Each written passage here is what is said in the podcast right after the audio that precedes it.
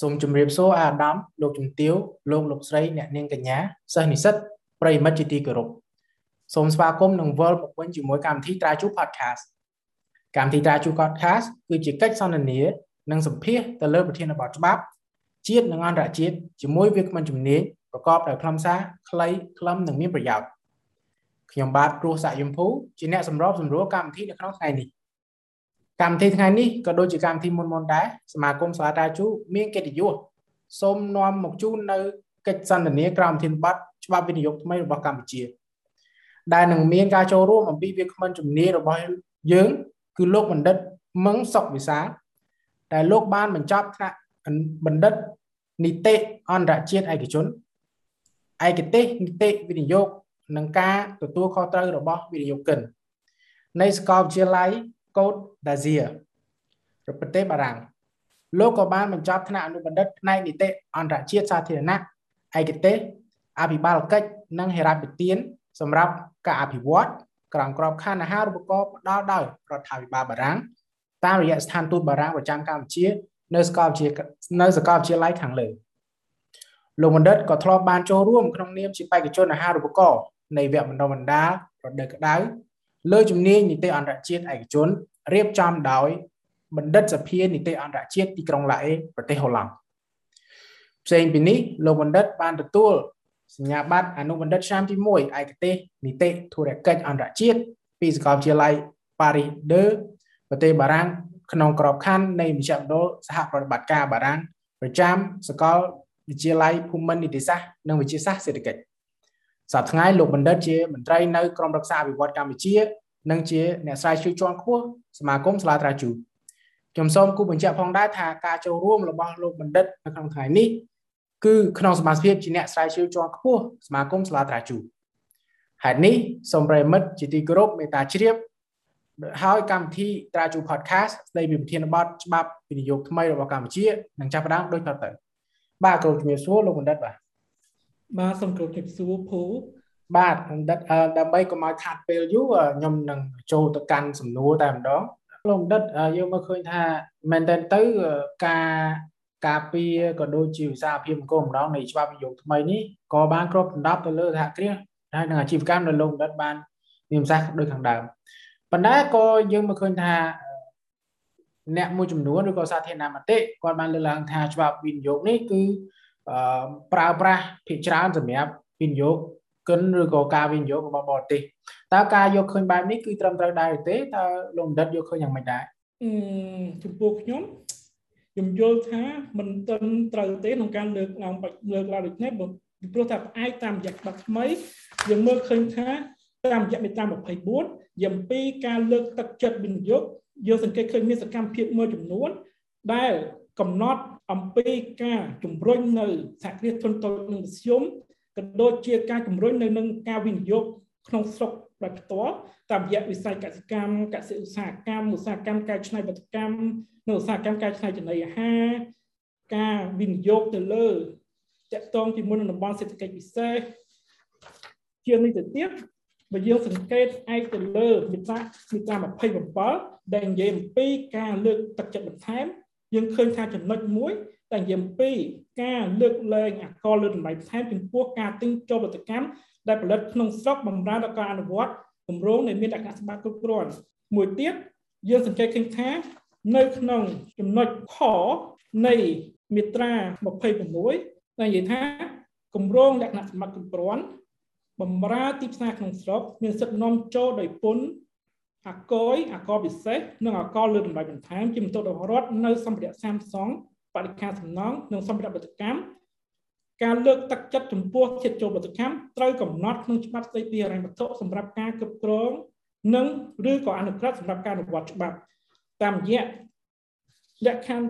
ករណីមួយចំនួនដែលខ្ញុំបានលើកខាងលើនេះបានបង្ហាញថារាជរដ្ឋាភិបាលក៏ដូចជាថ្នាក់ដឹកនាំនៃក្រមសាវកម្ពុជាបានគិតគូរយ៉ាងច្បាស់លាស់ អំពីប្រកបដោយភាពប្រកបនិយមក្នុងការជំរុញនៅផលិតកម្មក្នុងស្រុកតាមរយៈការលើកទឹកចិត្តឲ្យមានការវិនិយោគនៃអ្នកវិនិយោគគុណក្នុងស្រុកក៏ដូចជាការជំរុញឲ្យប្រើប្រាស់នៅផលិតផលវត្ថុធាតុដើមដែលមានស្រាប់នៅក្នុងស្រុកឲ្យអស់លទ្ធភាពមុននឹងនាំចូលទៅមុននឹងសម្រាប់មុននឹងនាំចូលវត្ថុធាតុដើមពីក្រៅស្រុកតាមរយៈការលើកលែងលើអគុណលើអកលលើតម្លៃបន្ថែមគម្រោងវិនិយោគ ណាដែលគាត់បានទិញផលិតផលក្នុងស្រុកសម្រាប់បម្រើនៅសង្វាក់ផលិតកម្មរបស់គាត់បាទលោកដិតអឺជាថ្មីម្ដងទៀតវិសាលភាពរបស់ច្បាប់វិនិយោគថ្មីនេះហាក់បីដូចជាគ្របដណ្ដប់ទាំងការវិនិយោគបរទេសវិនិយោគជាតិក៏ដូចជាគ្របដណ្ដប់ទៅដល់សហគ្រាសនៅក្នុងប្រទេសដែលឡែកបើសិនជាយើងពិនិត្យមើលទៅលើថាតើច្បាប់ថ្មីនេះបានគ្របឬក៏មានផលប៉ះពាល់អ្វីខ្លះ ទៅដល់វិនិយោគដែលមានស្រាប់ពីមុនដែរទេលោកបណ្ឌិតថាតើមានការពេលដែលច្បាប់ថ្មីនេះចូលជាធរមាននឹងអាចប៉ះពាល់ទៅដល់អាជីវកម្មឬក៏ការវិនិយោគដែលខ្ញុំបានលើកឡើងខាងដើមនោះតើតើមានការប៉ះពាល់ដែរទេលោកបណ្ឌិតបើសិនខ្ញុំផ្អែកទៅលើមាត្រា40នៃច្បាប់វិនិយោគថ្មីនៅក្នុងវគ្គខណ្ឌទី3យើងសង្កេតឃើញថាច្បាប់វិនិយោគថ្មីនេះបានទទួលសិទ្ធិទទួលស្គាល់ នៅគម្រោងវិនិយោគចាស់ដែលអនុម័តជាលក្ខណៈអក្សរដោយក្រមសាវកកម្ពុជាក៏ដូចជាអនុគណៈកម្មការវិនិយោគដូចគ្នាខាងក្នុងត្រូវបន្តទទួលបាននៅសិទ្ធិនឹងការលើកលែងពន្ធឬប្រាក់ចំណូលប៉ុន្តែត្រឹមទំហំដែលនៅសល់តែប៉ុណ្ណោះបែរថាគាត់នៅក្នុងច្បាប់វិនិយោគចាស់គាត់បានទទួលការអនុម័តជាលាយអក្សរពីក្រមប្រសាវត្តកម្ពុជាក៏ដូចជាកម្ពុជាគាត់អាចបន្តទទួលបាននៅការ អត្ថប្រយោជន៍របស់គាត់ប៉ុន្តែត្រឹមតែទំហំដែលនៅសេសសល់ប៉ុណ្ណោះតាក់ទងជាមួយនឹងការលើកលែងពន្ធបាទលោកដិតយើងក៏មើលឃើញដែរថាមែនតើទៅច្បាប់វិនិយោគថ្មីនេះបានផ្ដល់នៅសារៈសំខាន់ជាច្រើនជាពិសេសជំវិញសេដ្ឋកិច្ចជាតិដូច្នេះយើងក៏ទទួលបានសាធារណមតិមួយចំនួនដែលបានលើកឡើងថាការរំពឹងទុកថាច្បាប់នេះជាខឿនមួយ សម្រាប់ការស្ដារឡើងវិញនៃសេដ្ឋកិច្ចជាពិសេសក្រោយវិបត្តិជំងឺ Covid-19 តើលោកបណ្ឌិតយកយ៉ាងណាដែរចំពោះការលើកឡើងខាងលើហើយជាពិសេសថាតើច្បាប់មួយនេះនឹងបំពេញបន្ថែមយ៉ាងណាជាមួយនឹងចក្ខុវិស័យ2030និង2050របស់កម្ពុជាបាទអរគុណភូមិដោយខ្ញុំបានជម្រាបភូមិពីខាងដើមមកដែលថាច្បាប់វិនិយោគធ្វើឡើងចំកលតិសៈចំរស័ក ចំរស័កនៅពេលនេះសំដៅទៅលើបំរែបំរួលនៃសកលភាវូបនីយកម្មការនិន្នាការនៃការតំបន់ផ្លាស់ប្ដូរនីយកម្មសេរីជាពិសេសតកតងជាមួយនឹងនៅពេលមានវិបត្តិឧទាហរណ៍ដូចជាសកម្មដូចជាវិបត្តិនៃជំងឺ Covid-19 ដែលយើងសង្កេតជាទូទៅថាតាមរយៈអ្នកសេដ្ឋកិច្ចតាមរយៈអឺប្រតិបត្តិសេដ្ឋកិច្ចឬក៏ប្រតិបត្តិអន្តរជាតិដែលយើងឃើញថាការផ្លាស់ប្ដូរ ផលិតផលការដឹកជញ្ជូនផលិតផល មានភាពលំបាកហើយការផលិតដើម្បីដឹកជញ្ជូនឆ្លងទ្វីបទៅកាន់ប្រទេសផ្សេងផ្សេងដូចជាផលិតនៅកម្ពុជាដឹកជញ្ជូនទៅអឺរ៉ុបឬដឹកជញ្ជូនទៅអាមេរិកមានការជួបលំបាកហេតុនេះហើយច្បាប់នេះបានច្បាប់នេះមានគោលបំណងក្នុងការជំរុញនិងស្ដារសេដ្ឋកិច្ចកម្ពុជាហើយខ្ញុំជឿជាក់ថា ច្បាប់នេះនឹងคล้ายទៅជាឧបករណ៍កតយុត្តដ៏សំខាន់ក្នុងការគ្រប់គ្រងរាជរដ្ឋាភិបាលតាមរយៈថ្នាក់ដឹកនាំនៃក្រមប្រសាវកម្ពុជាក្នុងការគ្រប់គ្រងទៅលើគោលនយោបាយការទូតសេដ្ឋកិច្ចរបស់រាជរដ្ឋាភិបាលក្នុងន័យនេះយើងក្នុងន័យនេះថ្នាក់ដឹកនាំដូចជារដ្ឋាភិបាលតាមរយៈច្បាប់នេះចង់បង្ហាញទៅកាន់វិនិយោគិនថាការមកវិនិយោគនៅកម្ពុជា ក្រៅពីទទួលបានការលើកទឹកចិត្តទាំងឡាយដូចមានដូចជាការលើកទឹកចិត្តមូលដ្ឋាន ការលើកទឹកចិត្តបន្ថែមក៏ដូចជាការលើកទឹកចិត្តពិសេសប៉ុន្តែកម្ពុជា មានទីផ្សារមួយដែលធំដែលមិនមែនត្រឹមតែទីផ្សារនៅក្នុងស្រុករបស់ខ្លួនឯងទេប៉ុន្តែជាទីផ្សារតំបន់តាមរយៈតំបន់អាស៊ាន ដែលមានកិច្ចព្រមព្រៀងដែលទើបចូលជានឹងចូលជាធរមាន នៅថ្ងៃខាងមុខគឺកិច្ចព្រមអសឹប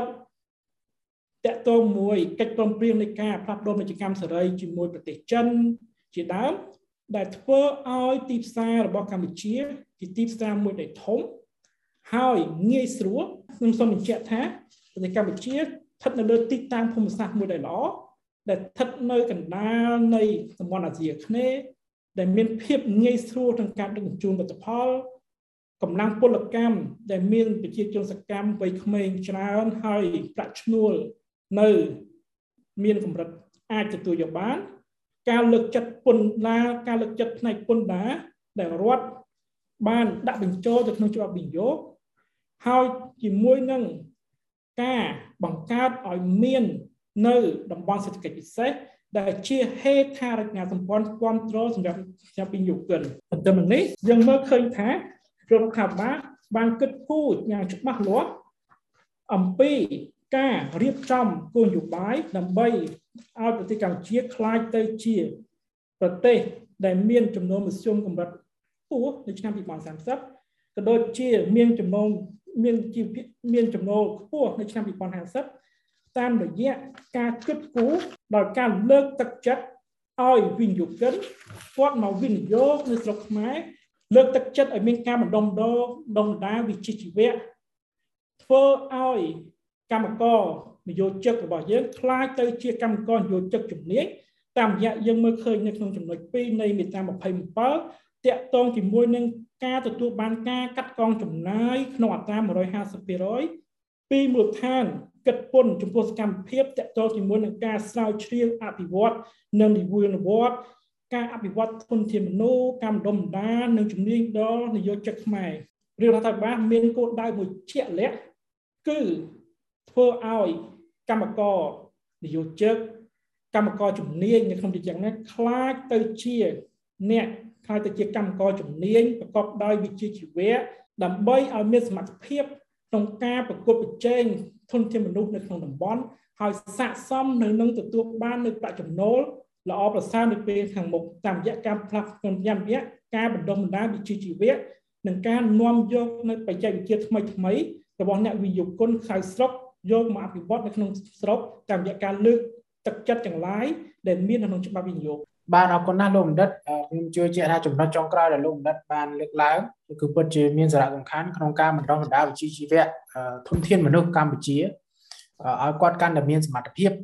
មិនថាគាត់ខ្លាយទៅជាកម្មករជំនាញឬក៏គាត់វិវត្តទៅជាវិស្វករគឺសុទ្ធតែមានតម្លៃសម្រាប់សង្គមជាតិនិងការវិវត្តតទៅមុខទៀត បាទខ្ញុំជឿជាក់ថាទាំងខ្ញុំទាំងក្រុមការងារទាំងប្រិមិត្តអឺពិតបានទទួលនៅចំណេះដឹងពោពេញទៅដោយខ្លឹមសារនិងអត្ថន័យច្បាស់លាស់ដែលស្ដែងចេញពីតតិភាពបច្ចេកទេសផងដែលកើតចេញពីការស្រាវជ្រាវបែបវិទ្យាសាស្ត្រក្នុងន័យនេះខ្ញុំសូមអនុញ្ញាតជំនួសមកឲ្យក្រុមការងារ podcast សូមអរគុណលោកបណ្ឌិតមឹងសុកវិសាលដែលបានចំណាយពេលវេលាដ៏មានតម្លៃចូលរួមជាវាគ្មិនជំនាញហើយចែករំលែកពុទ្ធិបន្ថែមមកក្រុមការងារក៏ដូចជាប្រិមិត្តដែលកំពុងតាមដានស្ដាប់ ឆ្លៀតឱកាសនេះជំនួសមកឲ្យក្រុមការងារក៏សូមអរគុណទៅដល់ប្រិមិត្តគ្រប់ជាន់ថ្នាក់ដែលបានបន្តស្ដាប់និងគ្រប់គ្រងកម្មវិធី podcast របស់យើងខ្ញុំក្រុមការងារនឹងសន្យាវិលមកវិញជាមួយនឹងប្រធានបទច្បាប់ពេញនិយមដើម្បីបន្តបេសកកម្មរបស់យើងក្នុងការចែកចាយចំណេះដឹងច្បាប់ខ្លីខ្លឹមនិងមានប្រយោជន៍ជូនដល់ប្រិយមិត្តទាំងឡាយកម្មវិធីរបស់យើងក៏ឈានមកដល់ទីបញ្ចប់អនុញ្ញាតអនុញ្ញាតឲ្យខ្ញុំបាទលោកបណ្ឌិតមឹងសុកវិសាល និងក្រុមការងារលំអោនកាយអរគុណនិងគោរពលាសូមអរគុណ